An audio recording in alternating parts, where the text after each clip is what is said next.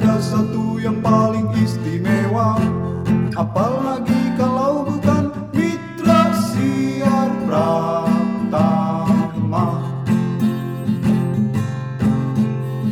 Mitra siar Pratama.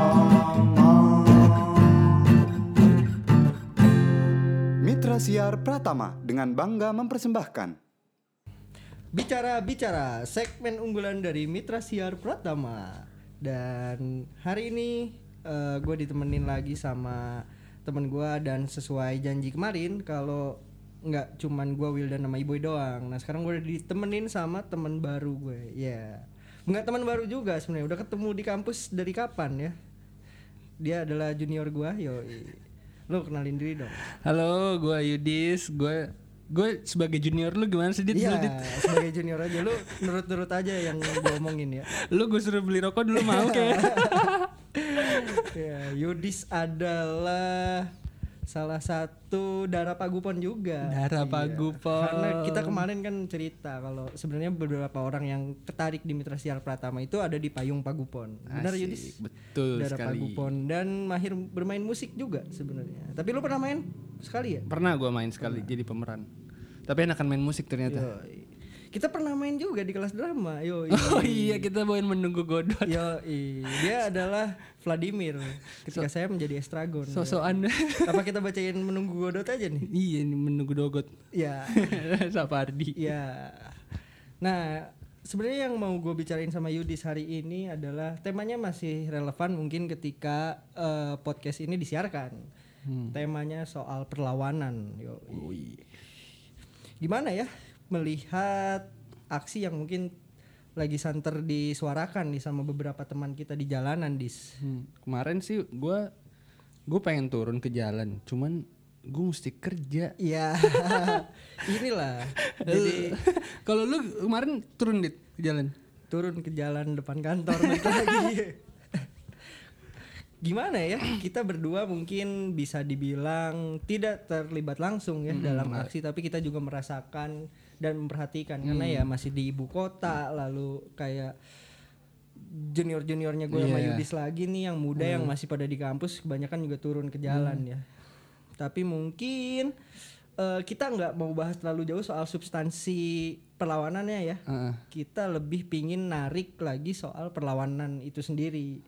Di mana mungkin yang kita rasain kan lagi ada aspirasi yang dikeluarkan oleh rakyat ya.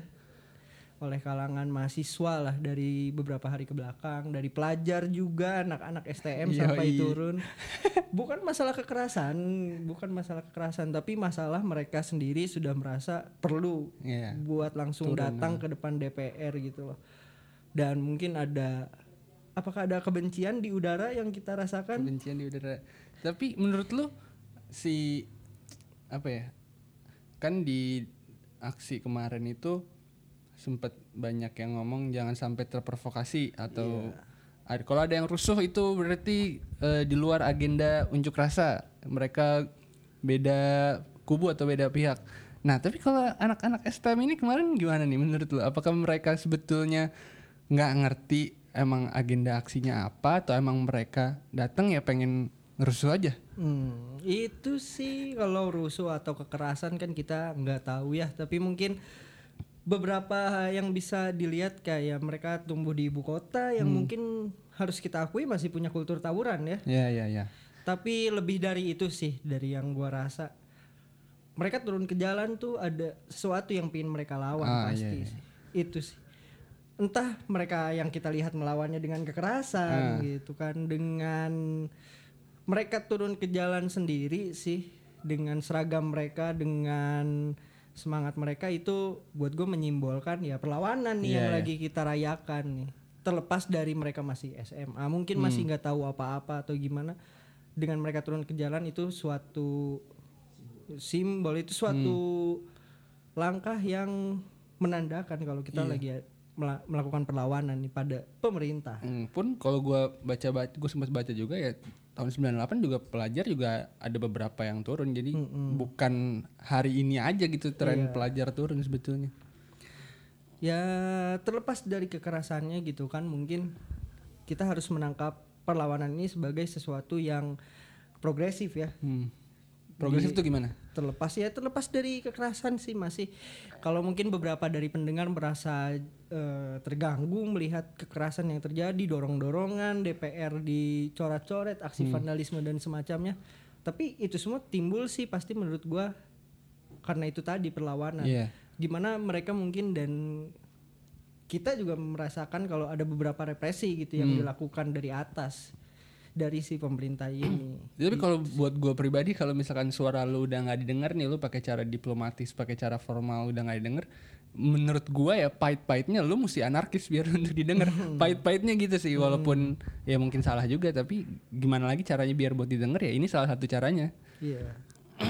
eh tapi eh, entah sih soal substansi anarkis gitu ya. Tapi gimana sebenarnya ya itu tadi kita melakukan perlawanan ini dengan bagaimana kan? Iya. Ada aksi kita waktu, wow kita bukan kita, maksudnya teman-teman yang turun ke jalan mahasiswa kemarin berorasi eh, langsung di depan DPR, lalu pecah ricu melawan lagi dengan aksi anarkis yaitu mungkin eh ekspresi di mana mungkin belum merasakan gitu loh perlawanannya menang gitu Ah. loh. namanya lawan kan berarti mungkin mereka harus menang atau kalah kan itu nah ngomongin soal perlawanan sih gimana kalau kita tarik ke zona yang sebenarnya mungkin kita kuasai sedikit-sedikit Iya, nih, kayak- sedikit-sedikit, sedikit-sedikit, ini. sedikit-sedikit. Kalau kita membandingkan zaman sekarang nih sama zaman 98 gitu loh.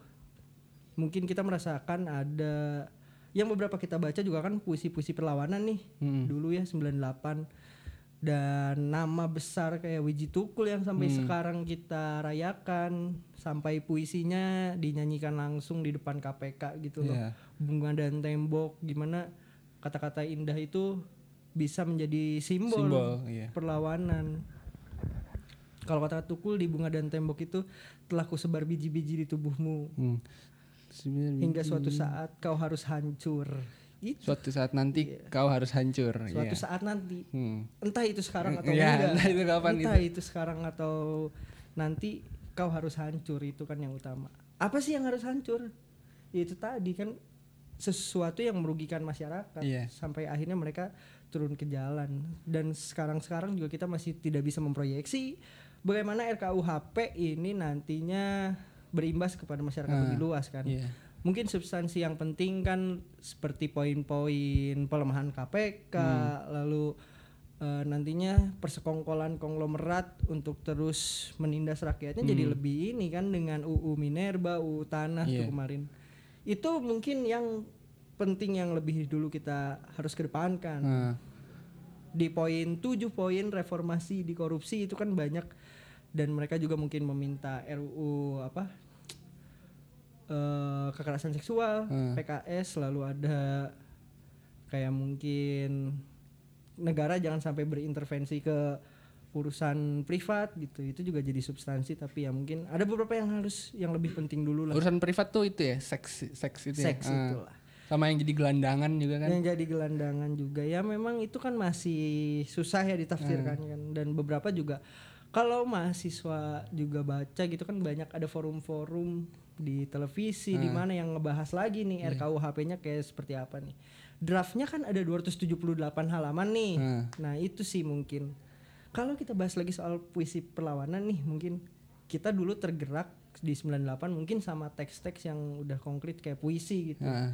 sekarang kita ngerayain sosial media yang ribut dan mungkin nggak bisa dipungkiri juga sih kayak beberapa waktu ke depan justru butir-butir esensi dari RKUHP yang 278 halaman itu direduksi jadi apa kalimat-kalimat padat yang bisa istilahnya menyinggung gitu loh. Hmm. Ada salah kaprah juga kayak mungkin yang RUU apa namanya buat kumpul kebo gitu Hmm. loh. Kayak oh nanti kita kalau tidur sehotel terus ketemu misalnya teman biasa ya cewek cowok tidur sehotel liburan kan biar Iya. murah ya hotel Iya. aku aja dah gitu. Satu berempat juga kan. Tapi dikira kumpul kebo nanti bisa dipidana. Ini padahal kalau ditelisik RKUHP-nya bilang hanya keluarga yang boleh melaporkannya gitu loh. Misalnya anaknya nih si Yudis tak dilaporin sama bapaknya kumpul kebo gitu loh. Nih anak malah jadi kayak jadi pemakai narkoba gitu ya. Boleh di iniin karena mereka adalah kerabat gitu. Hmm. Nah mungkin butir-butir itunya tereduksi nih. Tapi gimana puisi perlawanan menurut lu sendiri waktu 98 nih? Di Siapa sih yang mungkin puisi perlawanannya lu baca waktu era reformasi? eh kalau gua nggak tahu ya apakah puisi-puisi itu dibacakan pada waktu demo atau enggak tapi yang paling gue inget yang yang gue anggap sangat relevan itu pasti puisi-puisinya Uji Tukul terus eh WS Rendra sama Asep Samboja mungkin yang gue rasa punya unsur perlawanan dan kalau misalkan mau dikaitin sama tahun 98 ya ada keterkaitannya di situ. Nah, tapi gua nggak tahu nih apakah eh, waktu Rendra dengan sajak sebatang lisong itu tahun berapa ya? Lu tau gak? Saja sebatang lisong mungkin masih 80-an. 80 ya? 80 70. Nah, tapi eh, gua punya pandangan kenapa pada saat itu banyak banget yang baca puisi mungkin karena eh dulu tuh belum se apa ya se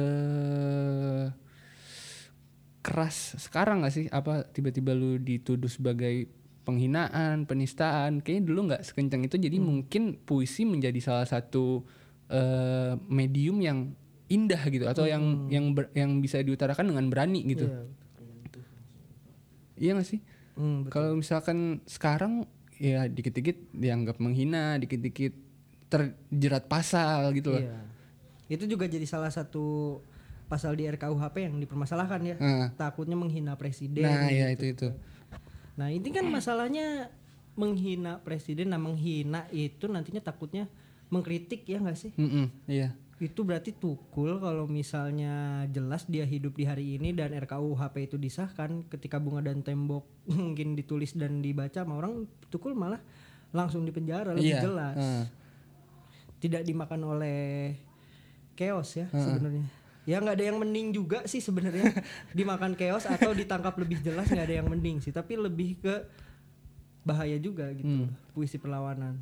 Tapi bukan masalah nah itu itu sih lebih ke puisi perlawanan pasti kritik ya iya sebenarnya. iya kritik Nah, Pasti nah, kritik. kalau menurut lu ada gak sih penyair-penyair sekarang yang justru nulis puisi-puisi kritik Hmm. ke pihak-pihak atas tapi ya kita bisa lihat puisi-puisi mereka dengan apa ya mungkin seberani Uji Tukul seberani W.S. Rendra se- seberani Asep Samboja karena gua jarang gitu menemuin era sekarang mungkin lagi pada balik lagi ke romantisisme mungkin Hmm. Ya, mungkin kayak Adi Mas Immanuel Iya. siapa lagi ya? selain Adi Mas Immanuel mungkin Mario F. Lawi Ih, bahkan kalau misalkan gua ke toko buku yang gue lihat buku puisinya Sapardi dicetak ulang lagi cover baru Hmm. gue belum melihat ada puisi-puisi yang emang membawa semangat perlawanan yang punya keterkaitan lah gitu dengan eh, unsur pemerintahan kita sekarang ini Mungkin 20 tahun tuh waktu yang lumayan panjang ya dari 98. oh iya udah Kita 20 udah- tahun ya iya, iya. Kita udah merayakan 20 tahun reformasi. Nah, Gimana mungkin puisi perlawanan waktu itu kita rayakan gitu untuk menumbangkan tirani yang udah berkuasa puluhan tahun sebelumnya dari dari 1965 sampai 98 gitu. Dan mungkin di 20 tahun ini kan kita melihatnya pemimpin ganti-ganti ya. nah, Dari pertama B.J. Habibie, lalu Gus Dur, Megawati, SBY dua periode, sekarang Jokowi baru selesai satu periode dan memasuki periode kedua gitu Hmm. loh. Dan di sini juga bis- nggak bisa dibilang perlawanan baru muncul lagi. Sebenarnya Iya. mungkin kita nggak ngelihat eh, era Megawati ada puisi perlawanan Hmm. gitu loh. iya, iya. Di eranya SBY ada puisi perlawanan gitu mungkin tapi ini kan yang ini masih kita rasakan ya. Hmm. Dan ketika podcast ini direkam tidak menutup kemungkinan di DPR tidak ada percikan api ya. Iya, iya. Sampai malam ini juga bisa dibilang eh, rumah wakil rakyat masih dikepung oleh Hmm, rakyatnya. dikepung Dikepung oleh rakyatnya dong. Tapi mungkin gini sih, Dit kalau kita nggak bisa se apa sebanal itu juga ngomong kalau zaman sekarang nggak ada puisi-puisi perlawanan ya. Hmm. Pasti ada lah. Ya pun kalau misalkan itu seorang mahasiswa yang nulis yang belum punya buku, misalkan belum terbit atau emang belum terdaftar secara resmi lu punya eh, puisi perlawanan, menurut gue itu tetap puisi perlawanan walaupun belum dipublikasikan gitu. Cuman yang jadi sorotan gue adalah belum ada orang yang se yang sosoknya sebesar itu untuk dianggap wah dia penyair perlawanan nih dia penyair dia penyair gayanya gini nih dia suka kritik nih. Tapi kalau misalkan lu nih lu misalkan eh gue minta salah satu gue minta coba di lu kalau lu baca puisi perlawanan lu bakal milih puisinya siapa? Lu bakal milih siapa puisi perlawanan mungkin dari 98 Hmm, terus sampai terserah lu dari siapa pun ya Wiji Tukul Wiji Tukul ya? dan tembok Ah. itu masih sih maksudnya berarti referensi kita masih yang itu itu Hmm, aja kan iya karena kita belum melihat nah itu sekarang. dia Eh, kalau mungkin yang bisa gue lihat juga ya kayak Fadlizon anggota DPR yang sempat menulis puisi itu. Ah, oh itu pernah kita baca, gue sih ngalamin sih dibaca di kelas gitu, Oh, iya? dipermasalahkan waktu itu ya oleh salah satu dosen puisi yang judulnya tukang gusur gitu loh. Dia mungkin menulis itu sebagai oposisi ya, seolah-olah mungkin ingin menyalahkan lawan politiknya yang berkuasa dan selama ini masih terjadi penggusuran gitu loh. Tapi kayak isu gusur itu kan yang udah lama kan Iya. sebenarnya. Nah, itu mungkin puisi perlawanan dulu zaman Iya, iya. dari zaman Megawati SBY juga ada penggusuran Hmm. ya kan. Karena kita lebih suka membangun jalan raya dan rumah gitu loh. Mereka kau lebih suka membangun Hmm. jalan raya dan rumah.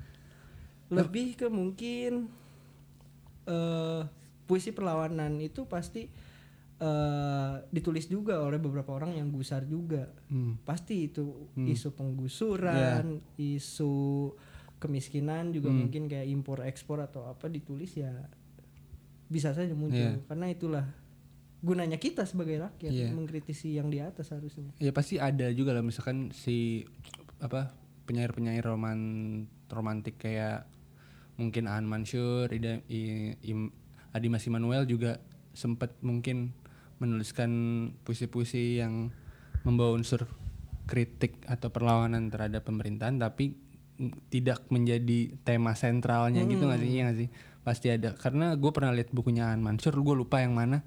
Itu bukan melihat melihat api bekerja bukan tidak ada New York hari ini. Tau gak sih lu yang bukunya eh, modelnya kayak clipping gitu? Hmm. dan layoutnya tuh bener-bener merah hitam merah hitam kayak wah ini unsur perlawanannya kencang banget nih. Terus kayak mungkin apa namanya? eh hari ini tuh belum yang kita sevokal merayakan Wiji Tukul juga ya. Hmm. Dan nggak bisa dibilang gitu. Mungkin di 98 sendiri puisi bunga dan tembok itu tidak dirayakan iya. gitu loh sebenarnya. Nanti mungkin bisa jadi 2040 kita ngerayain nih mungkin kayak puisi di, di 2019 2020 gitu loh. Ada puisi perjuangannya kok. Gimana kita melihat wakil rakyat nih lagi diuji ya Hmm. kita sendiri lagi nanyain iya lu kerjanya apa sih gitu loh nah ngomongin DPR juga nih kayak mungkin yang mengkritik mereka adalah sekarang bisa dibilang generasi Z ya generasi di bawah kita mungkin Hmm.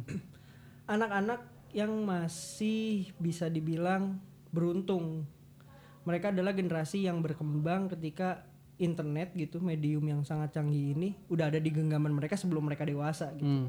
Mungkin kan gua sama lu waktu itu SMP lah Iya. udah baru megang internet gitu. Sedangkan mereka dari SD nah mereka sendiri sekarang lagi ada ditampuk sebagai mahasiswa pelajar yang mungkin masih belum merasakan tanggung jawab gitu loh. Sedangkan kita sendiri udah dibatasin sama tanggung jawab. Tergantung lebih ke kita waktu itu mungkin dan sekarang sudah mendapat pekerjaan. Hmm. sementara mereka tuh masih gusar gitu loh kayak mereka masih gusar eh, yang mereka konsumsi internet gitu dari dulu entah tuh apa apakah mereka merasakan kebahagiaan gitu entertainmentnya mereka rayakan tapi mungkin sekarang lagi merasa saatnya kita turun gitu loh dan mereka generasi yang buat gua harusnya pintar. Iya. Ya semoga dengan de- semoga dengan teman-teman kita turun ke jalan mereka merasa bertanggung jawab gitu loh. Hmm. Dengan kondisi negeri walaupun dia belum eh mereka belum bekerja atau punya tanggungan apa ya semoga mereka turun ke jalan dengan kesadaran penuh bahwa negara adalah tanggung jawab gue juga gitu loh. Dan gue nggak mau juga sih mungkin kayak orang-orang yang kita lihat di DPR beberapa kan adalah orang-orang yang turun ke jalan 20 tahun Iya, yang lalu. iya. Mereka adalah pelaku reformasi. Mm. Aneh nggak sih ketika pelaku reformasi justru merepresi lagi nih Iya. sekarang. Apa sih apakah mereka takut gitu ya Iya. Dan lucunya kalau gue lihat tadi ada ada anak anaknya bapaknya tuh orang DPR. hmm. Anaknya sekarang yang demo. oh Terus eh, ditanya kan, kenapa kenapa ikut demo? Kenapa lu nggak bilang aja bapak lu di rumah? Suruh gini gini gini gini. Ya kalau gue bilang di rumah dia iya iya doang. Jadi gue turun aja ke jalan. Mantap. itu sih lebih ke kita sendiri melihat adik-adik kita generasi Z gue sih bangga sih kalau lu sendiri Gue bangga lah ya. Gue karena nggak tau, gue nggak pernah waktu gue kuliah gue nggak pernah merasakan sensasi itu kali ya. Tapi begitu gue udah kerja sekarang, begitu gue ngeliat mahasiswa unas di depan kantor gue arak-arakan gitu. Wah gila gue pengen turun darahnya tapi gue masih kerja. Hmm. itu sih lebih ke kita sudah mendapatkan tanggung jawab gitu Iya. mungkin ini saatnya generasi Z merayakan gitu loh iya yang yang mereka hadapi adalah usia-usia ayahnya gitu Hmm, loh. Iya. ayahnya sendiri sedangkan mungkin ayah kita kan mungkin yang sudah beberapa istilahnya sudah tidak menjabat Hmm. gitu loh atau lebih ke kayak ada yang sudah berusia dan tidak aktif ya Hmm. Iya. jadi orang-orang tua yang udah nggak memegang Udah, pensiun lah ya dan kasarnya. lebih mikirin gimana nanti kita jadi orang tua gitu loh, Iya ya iya generasi iya. Udah Bisa- kamu pikir masa depan aja. Iya, udah udah udah kayak gitu. gitu orang tua Iya. gue. Iya. lebih ke kita harus menabung Hmm. untuk Iya. pesta pernikahan Iya gitu. betul betul. Gitu. Tapi terima kasih untuk yang turun ke jalan lah. Iya. Eh, nah terlepas dari itu kayak puisi perlawanan masih bisa dibilang kita rayain tapi mediumnya udah beda gitu loh bisa dibilang. Eh dulu mungkin lebih santer disuarakan di majalah memang mediumnya lagi naik juga. Tapi sekarang kan kalau bicara nasionalisme malah kayak Gundala gitu Bumi Langit. Kita punya harapan kalau industri kita juga lagi ngerayain nilai-nilai bagus gitu ya. Kepahlawanan kan yang di bakal yang bakal diceritakan sama Bumi Langit itu sebenarnya nilai-nilai nasionalisme yang ditanamkan gitu jangan dulu dibandingin sama Avengers gitu Iya. loh sama apa Iya iya. jangan dulu dibandingin kayak nah itu gue juga bikin skeptis sih mau dibawa ke mana sih si superhero ini gitu loh. di dulu kan masih ngelawan alien masih Iya. ngelawan monster gitu nah ini yang gimana nantinya bumi langit ini juga jadi bisa jadi salah satu medium yang nyeritain nasionalisme Hmm. gitu loh. Berat juga peran mereka sebenarnya. Jadi sebetulnya kalau misalkan kita ngomongin eh puisi perlawanan di era sekarang karena kita udah jarang nih ngelihatnya, mungkin udah ganti lagi medianya bukan cuma film tapi ya mungkin dalam bentuk meme atau kalau gue sih ngelihatnya sebagai copywriter ya itu lahan ya? lahan banget lahan coy. lahan Itu lahan banget itu ada yang gue ngelihat pejabat lebih baik di IKEA. Wah gila Iya, itu. iya. buset mantep banget nih on point banget. Itulah gimana eh, kita sebagai observer tuh ngelihat perjuangan mereka dengan papan-papannya Hmm. yang punya muatan tekstual bisa menjadi meme ya. Iya. Di satu sisi ngeritik tapi nggak langsung dengan banal bilang Iya, pemerintah harus iya, diturunkan gitu tapi diejek Iya. sebenarnya. Dan harusnya yang yang diejek ini merasa malu lebih parah Iya. sih dia dia udah istilahnya harusnya udah malu. Ini yang datang itu mahasiswa Iya. gitu loh yang terpelajar. Dan cara yang mereka ti- yang mereka perlihatkan itu mengejek Iya. merendahkan. Itu harusnya malu sih kalau gue jadi DPR gitu loh. Menurut- dikatain lebih bodoh daripada lemari yoi. ga gaya-gaya tulisannya tuh menurut gue eh, wah ini punya nilai jual banget nih kalau Iya, misalkan di industri copywriting nih bagus nih yang kayak gini-gini. Nah, gue punya apa ya, punya anggapan ya mungkin generasi ini ya generasi iklan gak sih? Iya. apa yang mereka lihat tiap hari, apa yang mereka dengar ya Hmm. udah secara nggak sadar masuk jadi dan akhirnya keluar jadi satu eh, salah satu cara untuk mereka mengkritik yang di atas Hmm. Pun mungkin mereka nggak sadar juga kalau ini punya nilai copywriting yang bagus gak sih? Emang gue pengen ngomong kayak gini aja ke orang-orang di atas tapi gue nulisnya gini. Nah lu kita nanya kenapa lu nulisnya gitu? Ya lu sehari-hari berkutat dengan hal-hal itu sebetulnya. Iya. mereka tidak serta merta bawain visi wiji tukul buat nge, apa melakukan perlawanan Iya. lagi. Enggak. Enggak. ini justru mereka bawa perlawanan mereka sendiri. Iya iya. Dan yang mungkin akan terekam di ingatan kita. Iya. betul sebagai puisi perlawanan mereka dengan beragam cara. Iya. Dengan slogan-slogan lucu kemarin pun Iya. itu puisi perlawanan yang menurut gua punya nilai Iya. ejek tuh itu mereka walaupun kita ngelihatnya itu sebagai apa ya mungkin cuman slogan yang bawa Hmm. pengen ngejek tapi dengan caranya lucu Iya. ya menurut gue itu puitis lah itu salah satu cara lu menunjukkan bagaimana lu membelokkan makna kan Iya. sebetulnya Gimana harusnya para penguasa udah harusnya merasa malu deh gitu. Iya. Dulu eh, Soeharto dilawan sama puisi-puisi simbolis perlawanan, Iya. tapi sekarang mereka dilawan sama kata-kata yang istilahnya ya mengejek tadi Iya. gitu. loh. Tapi harusnya mereka tuh malu, parah sih. parah sih harus malu. Jangan sampai malah ini semua tuh slogan yang lucu-lucu ini jadi klise gitu. Iya. Oh emang DPR bodoh kok. Nah itulah gimana penguasa harusnya pada akhirnya udah ngeh nih. Heeh, Dulu dikatain sama puisi berat gak ngaruh. heeh. Dika- sekarang dikatain sama slogan-slogan lucu harusnya malu. gitu. Iya. Harusnya malu sama anak-anaknya loh. sama anak-anaknya sih sama anak-anaknya loh. Sama pemuda gitu loh.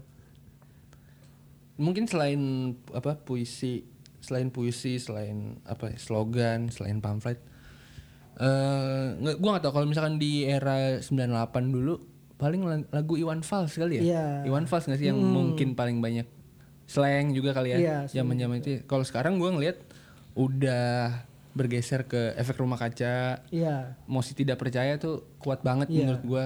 Terus beberapa kali lagunya Fish juga peradaban jadi eh, soundtrack unjuk rasa gue liat di Hmm. instastoriesnya Fish. Kalau lu ngeliatnya gimana dit? Apa kayak ini menggambarkan perbedaan generasi juga bahwa yang generasi-generasi pendengar Iwan Fals nih Hmm. eh, Iwan pendengar Iwan Fals yang fans banget apakah emang sekarang udah nggak turun ke jalan udah nggak ibaratnya nggak apa ya mungkin atau justru eh, ada pendengar Iwan Fals juga di antara mahasiswa atau aktivis yang kemarin tapi emang mereka sekarang referensinya ke musisi sekarang menurut lu gimana? Ya mungkin secara nggak langsung ya waktu dulu kita mungkin marchnya pakai lagu-lagu Iwan Fals Hmm. gitu. Nah sekarang ya pakai efek rumah kaca, pakai fish. Tinggal dilihat lagi sih substansinya semangatnya Hmm. mau dibawa ke mana itu aja sih yang penting. Dan semoga lebih ke senimannya juga jangan dekaden sih. Hmm. Kalau lu lihat kayak Iwan Fals mungkin atau slang juga nggak tahu udah nyaman. Hmm. Dulu mereka dipakai sebagai alat perlawanan Iya. gitu loh.